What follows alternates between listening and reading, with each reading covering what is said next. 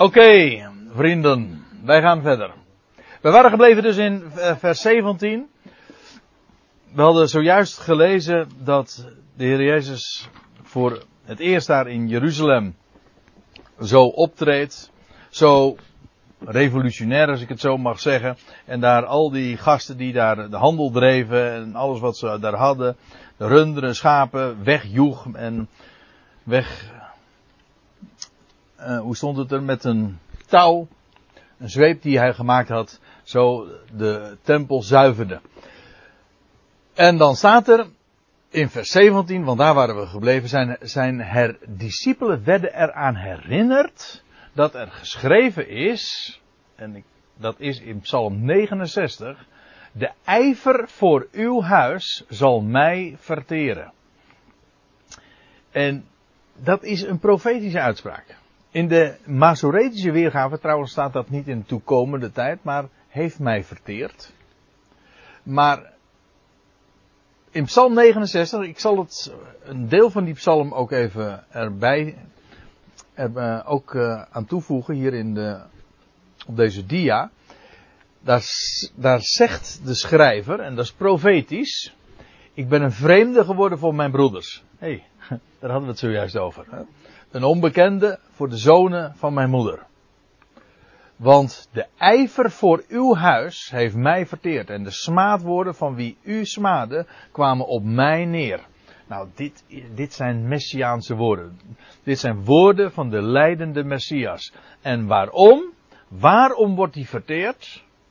Wel, als we ons even houden gewoon aan de uitspraak die hier wordt geciteerd uit de Hebreeuwse Bijbel, uit het Psalmboek. Vanwege de ijver voor, zijn, voor het huis van zijn vader. De ijver voor uw huis, het huis van u, God, mijn vader, zal mij verteren. Uiteindelijk zou hij daardoor inderdaad worden omgebracht. Dit is dus ook een profetische uitspraak die hier in herinnering gebracht wordt. En ik, ik kom er straks nog eventjes op terug, maar ik lees eerst eventjes nog verder in Johannes 2. Daar staat er de Joden dan antwoorden. Eigenaardig dat hier dan staat antwoorden, want er was helemaal geen vraag gesteld. Maar het is wel een reactie. Het is een, het is een antwoord, niet op een vraag, maar een antwoord op een situatie die nu ontstaan was. Dat wil zeggen, de Heer had zo ge, gehandeld. En de Joden, en dat moet dan een uh, reactie zijn van de Joodse autoriteiten, die hem nu ook ter verantwoording roepen, feitelijk vragen naar zijn bevoegdheid. Wie denk je wel dat je bent, dat je dit kunt doen? Welk teken toont gij ons dat gij dit moogt doen? Dat je dit doet. Maar de, de strekking is inderdaad dat je dit, dat je legitimeerd bent om, om zo op te treden in de tempel. Wij zijn daar de baas. En wat maakt dat jij daarvoor de autoriteit daarvoor hebt? Welk teken toont gij ons? Nou, tekenen zouden er genoeg volgen. Maar Jezus reageert dan vervolgens daarop. Hij, hij antwoordde, zei tot hen. Dat is heel cryptisch. En dat zie je met name in het Johannes-evangelie heel vaak zo veel van die cryptische uitspraken, ook in dialogen die er, die er worden beschreven. Als je dat dan leest, ik weet niet of het ooit wel eens opgevallen is, als je Johannes Evangelie leest, het heeft de reputatie een heel eenvoudig evangelie te zijn.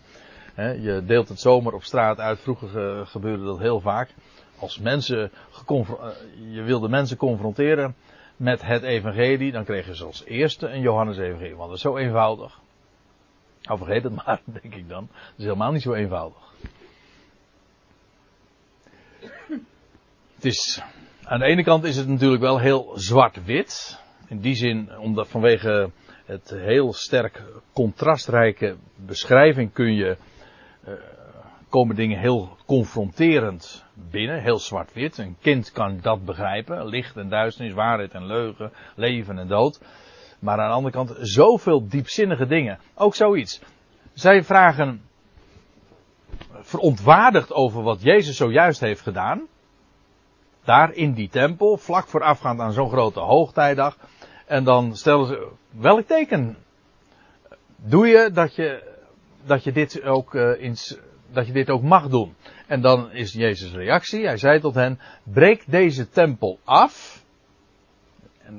En zo, dit, vertelt heel dubbelzinnig hoor. Deze tempel. Wat bedoelt hij met deze tempel? Ja, later wordt uitgelegd. Maar nu eventjes in, nog even in de schoenen staand van degene die, hier, die hem hier die vraag stellen. Ze breekt deze tempel af. Hij bevindt zich in de tempel. Dus op wat anders zou hij dan doelen dan de tempel waar zij het ook over hebben. Maar het blijkt niet zo te zijn. Althans, maar goed, daar moeten we het ook nog even over hebben. En binnen drie dagen zal ik hem, of in die drie dagen, zal ik hem doen opreizen. Doen herreizen. Nou, als je het zo leest, dan kun je dat, uh, nou, minstens op twee manieren ook nog lezen. Eh, ik had het over dubbelzinnig op meerdere niveaus. Kijk, de eerste primaire betekenis is die hier gewoon ook direct opvolgend, we zullen dat straks zien, zelf ook expliciet erbij vermeld wordt. Jezus lichaam werd afgebroken.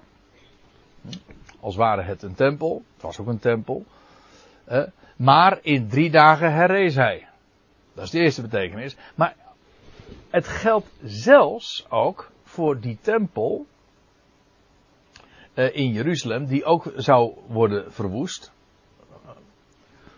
40 jaar later zou de tempel worden verwoest. Maar wel degelijk komt er weer een nieuwe tempel voor in de plaats. De tempel die beschreven wordt in het boek Ezekiel. Nou, de, die derde dag. Dat, daar zal ook weer een tempel zijn. Het huis des Heren. De volkeren zullen optrekken naar. Het zal een bedevaartsplaats zijn voor alle naties. Jeruzalem zal een bedevaartsoord zijn. Waarom? Vanwege het huis wat dan gebouwd zal worden. Maar laat ik u dit vertellen. De tempel die in het begin van onze jaartelling werd verwoest. Die zou inderdaad na twee dagen, dus in drie dagen, weer herrijzen. De ene tempel zou worden verwoest. De tempel die eigenlijk ook staat, representatief is voor het oude verbond. Die is verwoest. Op een, op een gruwelijke wijze trouwens. Maar er komt een derde tempel. Nee, ja, dat, is, uh, dat woord is niet uh, juist in dit verband. Er komt een nieuwe tempel voor in de plaats. Een echte tempel. Het huis van de Heeren. Dat en dan zullen de volkeren zeggen, hoe staat het in, in zowel Micha als in Jezaja, dat de volkeren zullen zeggen, komt laat ons optrekken naar het huis des Heren, naar het huis van, het, van de God van Jacob, opdat hij ons leren aan zijn gaande zijn wegen. Ik bedoel, dat, dan praten we over zo'n geweldig rijk, waarin de hele volkerenwereld zal delen in de zegen. Ik, ik, het is zo mooi hè, die derde dag, hè, die, of zo u wilt, de zevende dag die gaat aanbreken, dat is gewoon een bruiloft ook. De Heer trouwt opnieuw, maar nou, nu definitief met zijn bruid, met Israël. En feitelijk zijn al die volkeren gasten, de bruiloftsgasten, die dag. Het is een, ter gelegenheid van een bruiloft, een nieuw huwelijksverbond tussen de bruidegom, de Heer zelf, en zijn bruid. Maar er zullen vele gasten zijn en er zal rijkelijk feest gevierd worden. Kortom, uh, ik bedoel het dus ook in de letterlijke zin. Als het gaat over de fysieke tempel te Jeruzalem werd verwoest. Begin van de jaartelling. En inderdaad, na twee millennia, in de derde millennium, derde millennium, zal die tempel alsnog herrijzen. Ik zeg niet dat dat de primaire betekenis is. Ik zeg het ook expres ook. Uh, ik zet het als tweede punt hier neer. Want ook in dat opzicht, als je het dus nu niet bekijkt vanuit de termen van gewone dagen, maar in de termen van profetische dagen, blijkt het namelijk ook te kloppen. Zo zie je dat Bijbel, Bijbelse waarheden allerlei lagen hebben. De opstanding ter derde dagen is ook zo'n ja, gelaagd begrip. Want het, het is waar in verband met de Messias, maar het is net zo goed ook waar voor Israël als natie. En wat de verwoesting van de tempel betreft, kun je hetzelfde opmerken. En daar blijft het niet bij, want ik wil straks op nog een uh, ding wijzen. Er staat in vers 20, daar gaan we eerst even naartoe. De Joden dan zeiden, 46, zij zitten nog steeds natuurlijk op, een, op de, de, letterlijke tempel, op, op hun stramien. Ze hebben er gewoon helemaal niks van begrepen. Ik denk zelfs dat dat ook de bedoeling was.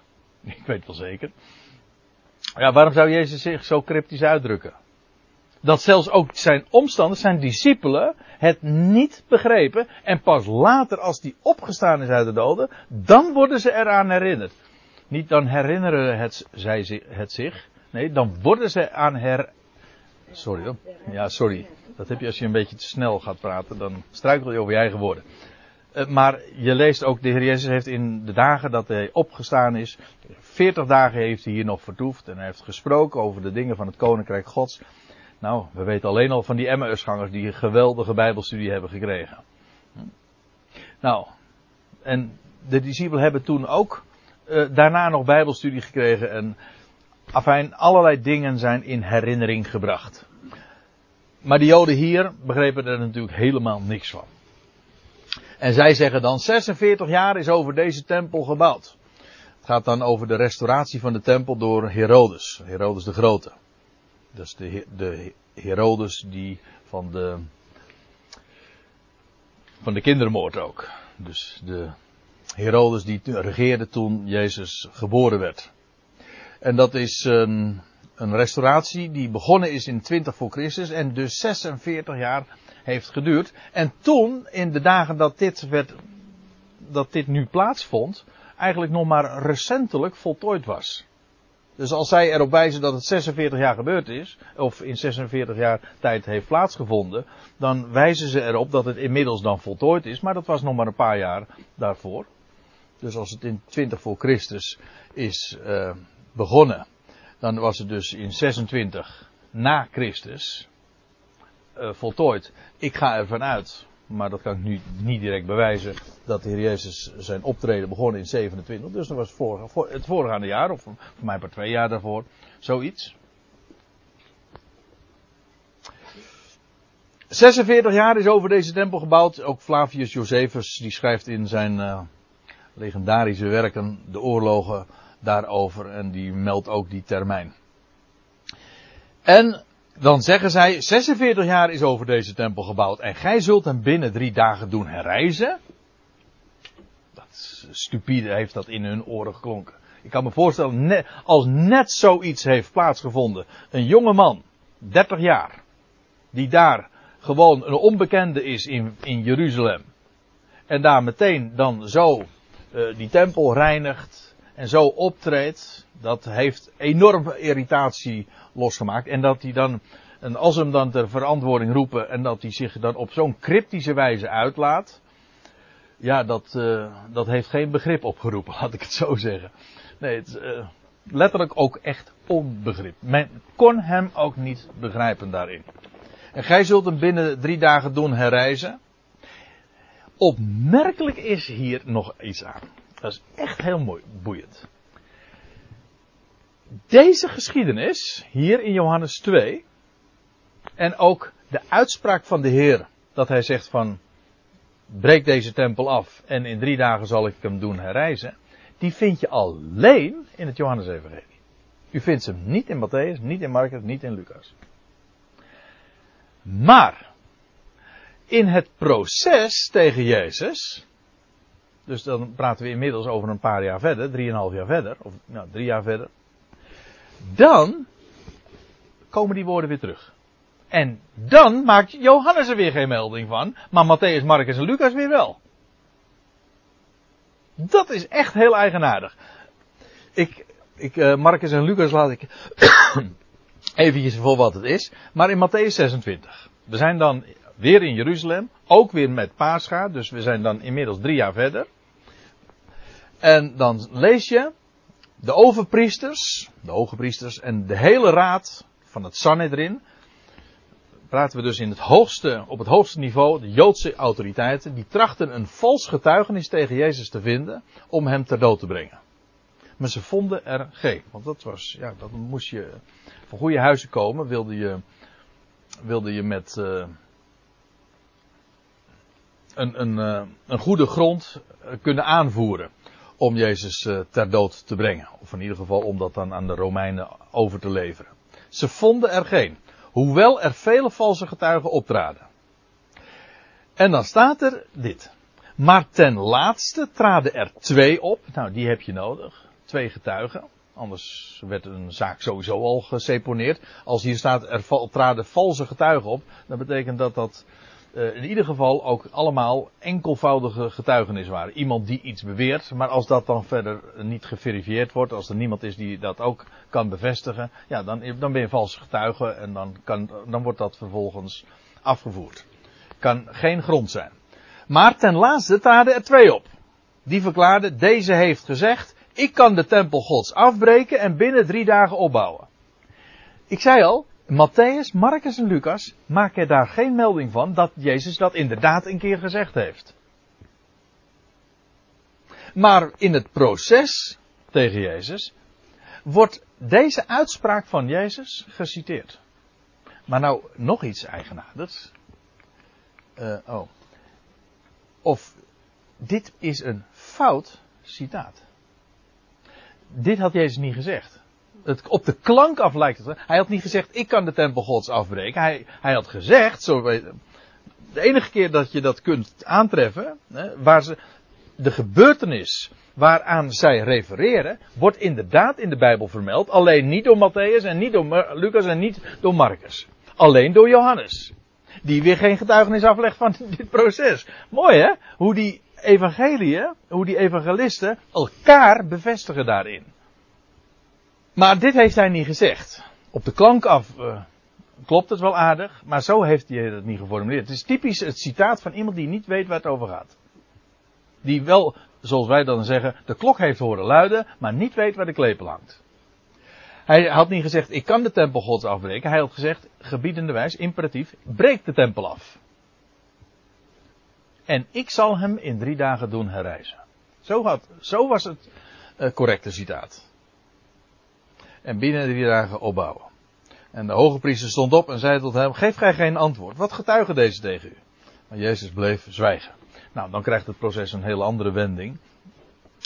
Want dan gaat hij hem onder ede ondervragen, de hoge priester. Maar goed, daar gaat het nu even niet om. Het gaat even om dat in het proces dus een woord wordt geciteerd dat Jezus drie jaar eerder had gezegd, uitgesproken.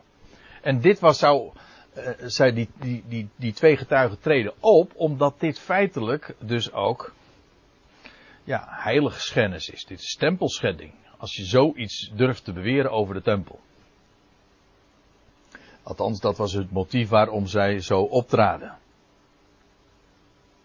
Later, en nog een hoofdstuk later, dan lees je als de Heer Jezus aan het kruis hangt, dan staat er en de voorbijgangers die spraken lastertaal tegen hem, schudden hun hoofd en ze zeiden, Jij die de tempel afbreekt, hier weer die, dat foute citaat. Jij die de tempel afbreekt en in drie dagen opbouwt, red uzelf indien gij Gods zoon en kom af van het kruis. En dan te bedenken dat juist hier de tempel werd afgebroken. En drie dagen later zou herrijzen. Jezus heeft deze woorden inderdaad uitgesproken. Maar ja, ik vind het eigenlijk hoe langer ik erover nadenk, het is eigenlijk hoe opmerkelijk hoe de evangelie, hoe, de, het Nieuwe Testament daarin ook in elkaar steekt. En hoe inderdaad de, deze geschriften elkaar daarin bevestigen. Want je zou eigenlijk verwachten hè, dat Matthäus dan eerder in zijn evangelie hier al melding van maakt. Dat doet hij niet.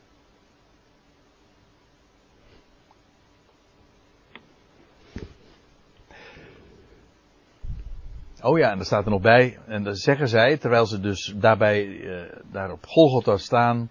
Jij die de tempel afbreekt en in drie dagen opbouwt, red u zelf indien ge Gods zoon zijt en kom af van dat kruis. Evenzo, dus op dezelfde wijze, dus met dezelfde woorden kennelijk, spotten de overpriesters samen met de schriftgeleerden en de oudsten. Dus dat woord is wel kennelijk blijven hangen. Oké, fout geciteerd, maar niettemin, uh, ze herinneren het zich maar toch al te goed.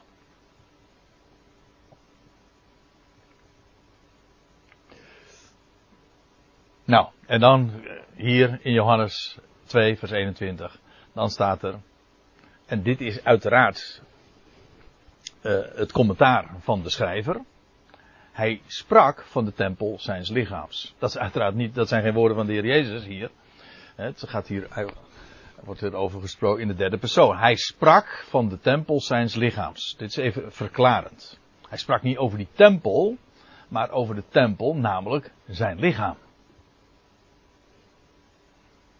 Wat trouwens, en nou, nou kom ik op een, nog een betekenis,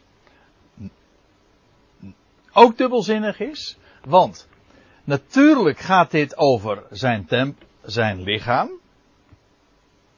dat afgebroken werd daar op Golgotha en drie dagen later herrees het. Daar spreekt in de eerste plaats van.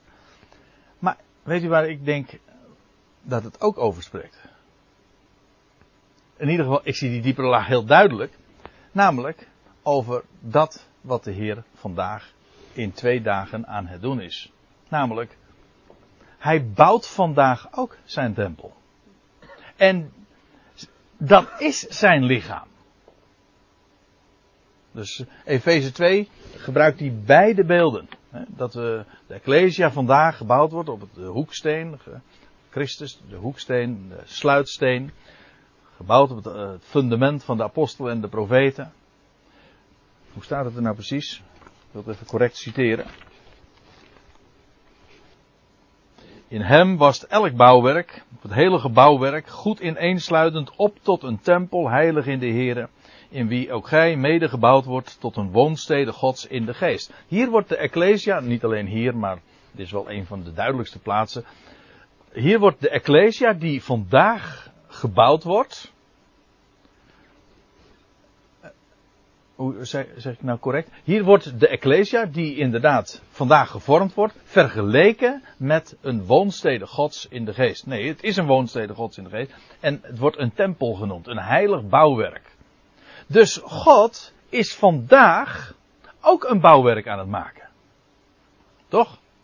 En dat bouwwerk, dat, dat, dat voltooit hij in twee dagen. Nou, binnen in, of nee, in drie dagen. Binnen drie dagen. En dat is het werk wat hij vandaag doet. En dat is ook inderdaad zijn lichaam. Maar nou praten we dus niet over zijn fysieke lichaam. Maar over het lichaam van Christus. In hem woont de ganse volheid der Godheid lichamelijk. Zegt Paulus in Colossense 2. Waar denkt u dan aan? Denkt u dan aan zijn fysieke lichaam? Nou, dat kan.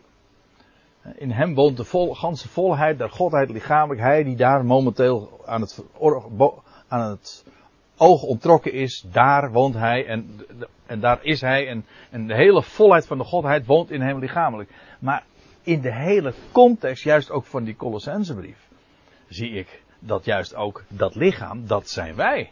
Hoofd en lichaam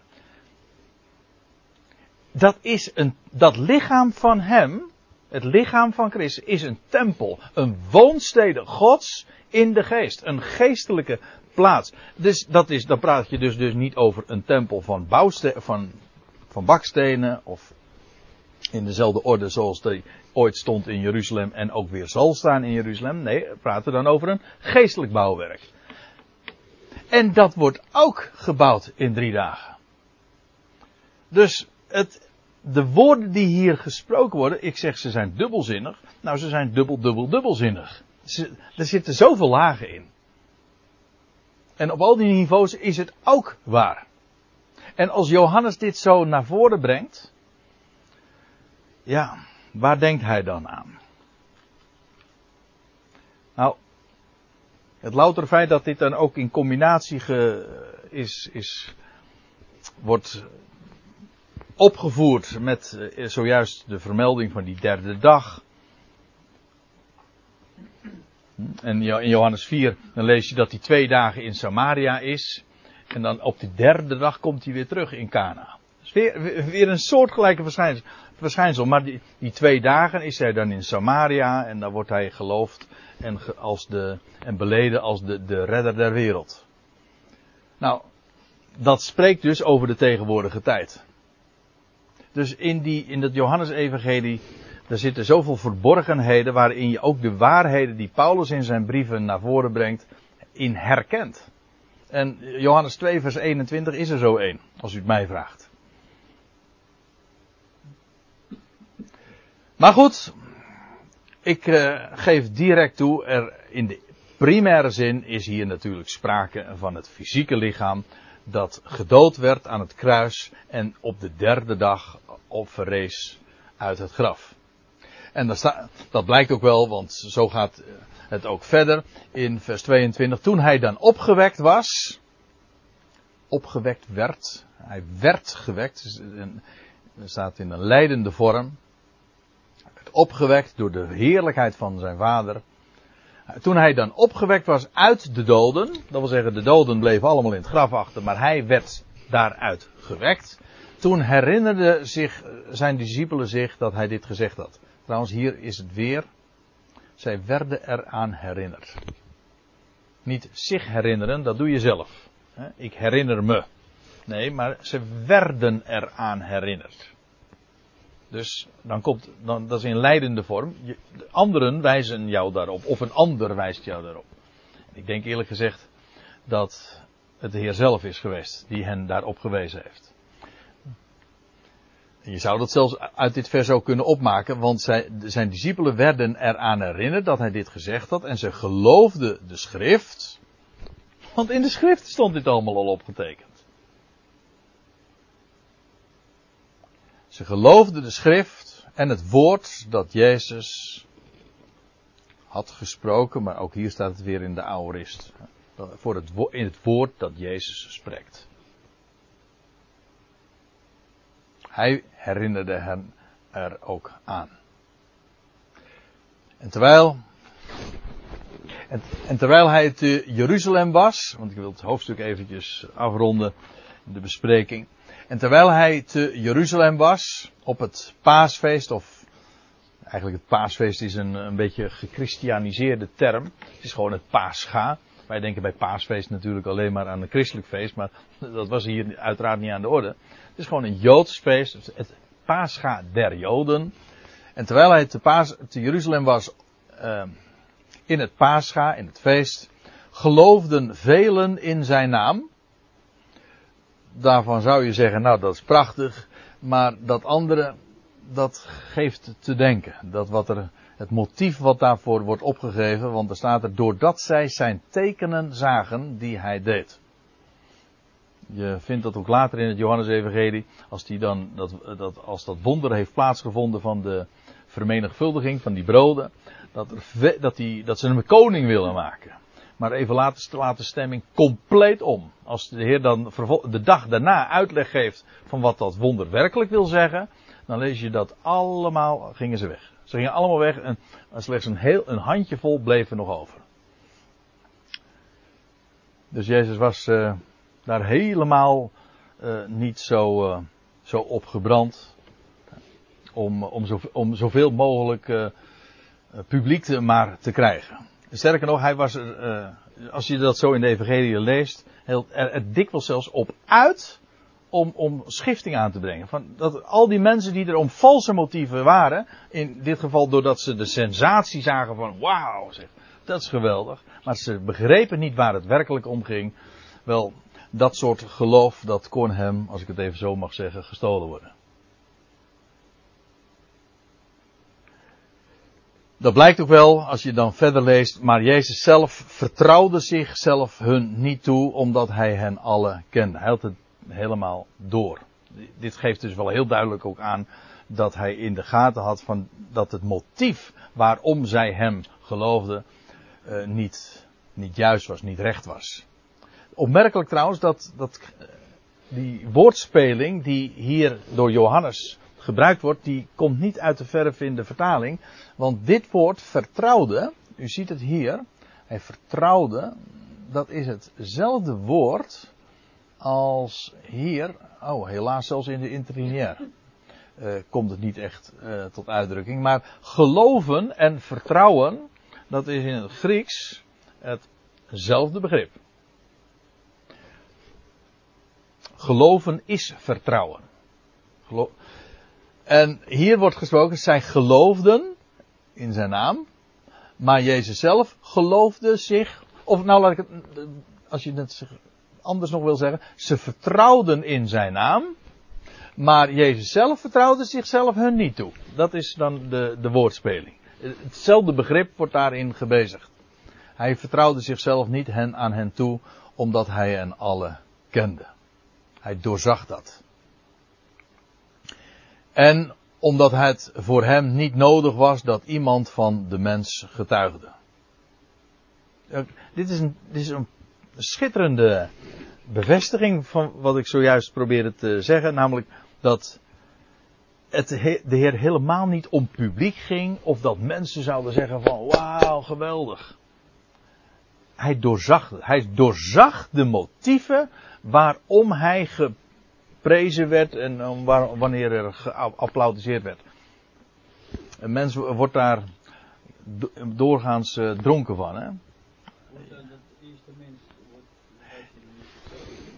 Dat is een goed. Ik heb, daar, ik heb me daar ook mijn hoofd over gebroken. Ik ben er nog steeds niet uit. Ja, volgens mij heeft hij niet nodig dat uh, iemand van hem getuigt.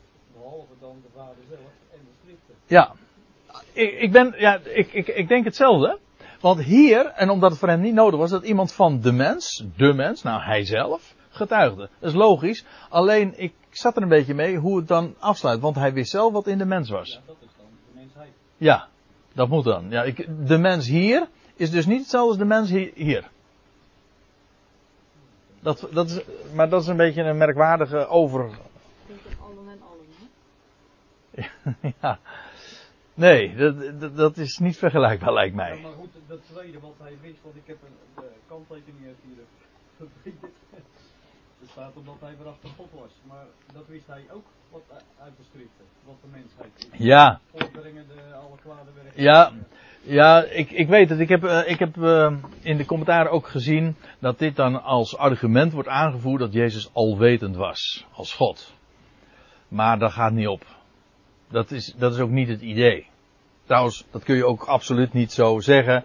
Want het is de Heer zelf die bij, meerdere gelegenheden zelfs ook uh, nou, de duidelijkste is wel in, in Matthäus 24 dat hij zegt van, van die dag en die uren weet niemand. Uh, dan alleen de vader in de mijn vader in de hemel. Maar ook zelfs de zoon des mensen niet.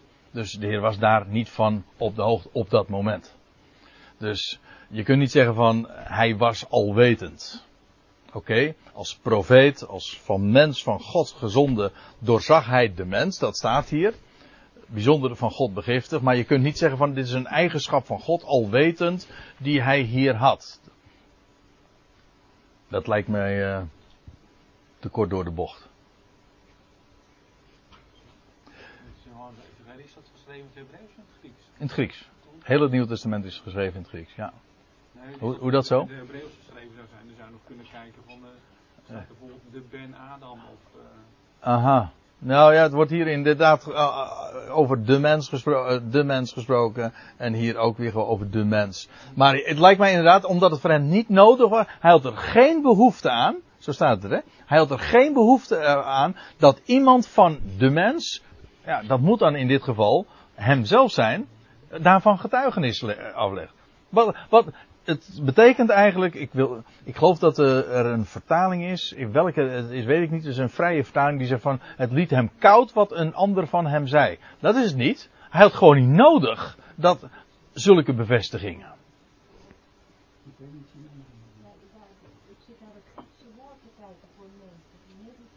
Jawel, ja, maar dat heeft te maken met een naamvolvorm. Het is gewoon de anthropos, is het, maar het is...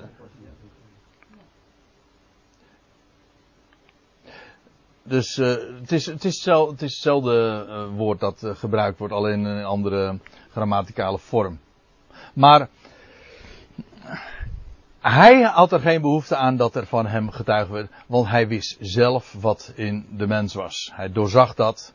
hun motieven. En feitelijk is dit al een opstap ook naar het volgende hoofdstuk, maar dat gaan we over drie weken bespreken. Deo Volente. Want dan komt er iemand op hem af in de nacht. Een Nicodemus. En dan is het ook meteen dat Nicodemus weliswaar vragen op hem gaat afvuren en de Heer doorziet hem en stelt de, correcte vragen, of eigenlijk geeft hij het correcte, het correcte antwoord, maar hij doorziet hem.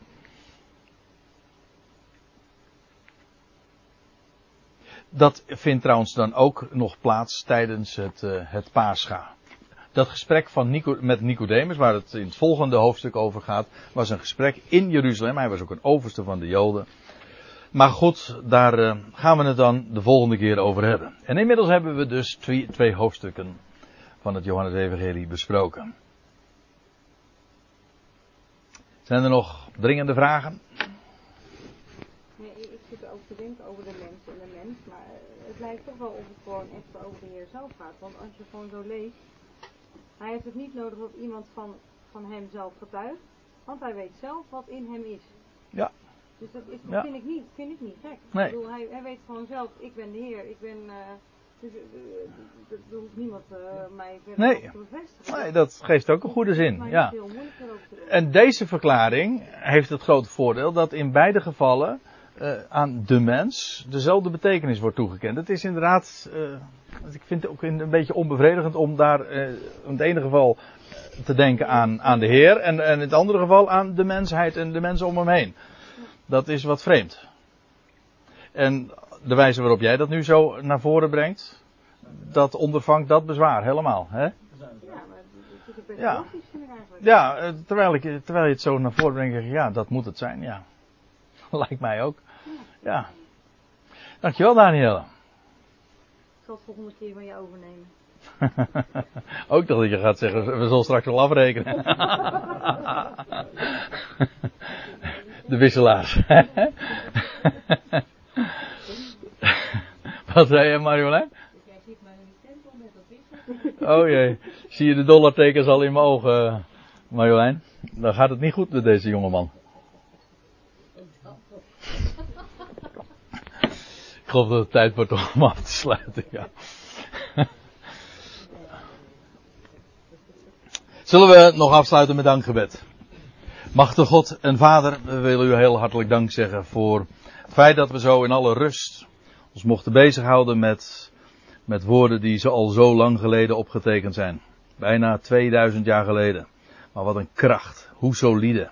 Wat geweldig is het dat we Hem mogen kennen die, van wie elke bladzijde op in uw woord getuigt. Onze Heer, de Zoon van God, Israëls Messias, de redder der wereld.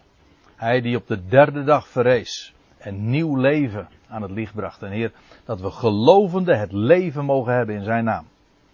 En dat er inderdaad levend water ook door ons gedronken mag worden op een avond als deze. En dat we ons mogen verlustigen in wat u geeft. Maar we drinken dat water en het wordt wijn in ons. Bron van vreugde. Dat ook uit ons binnenste vloeit en dat we ervan mogen getuigen. Woorden van leven. Woorden van kracht. Woorden die zo'n vitaliteit hebben.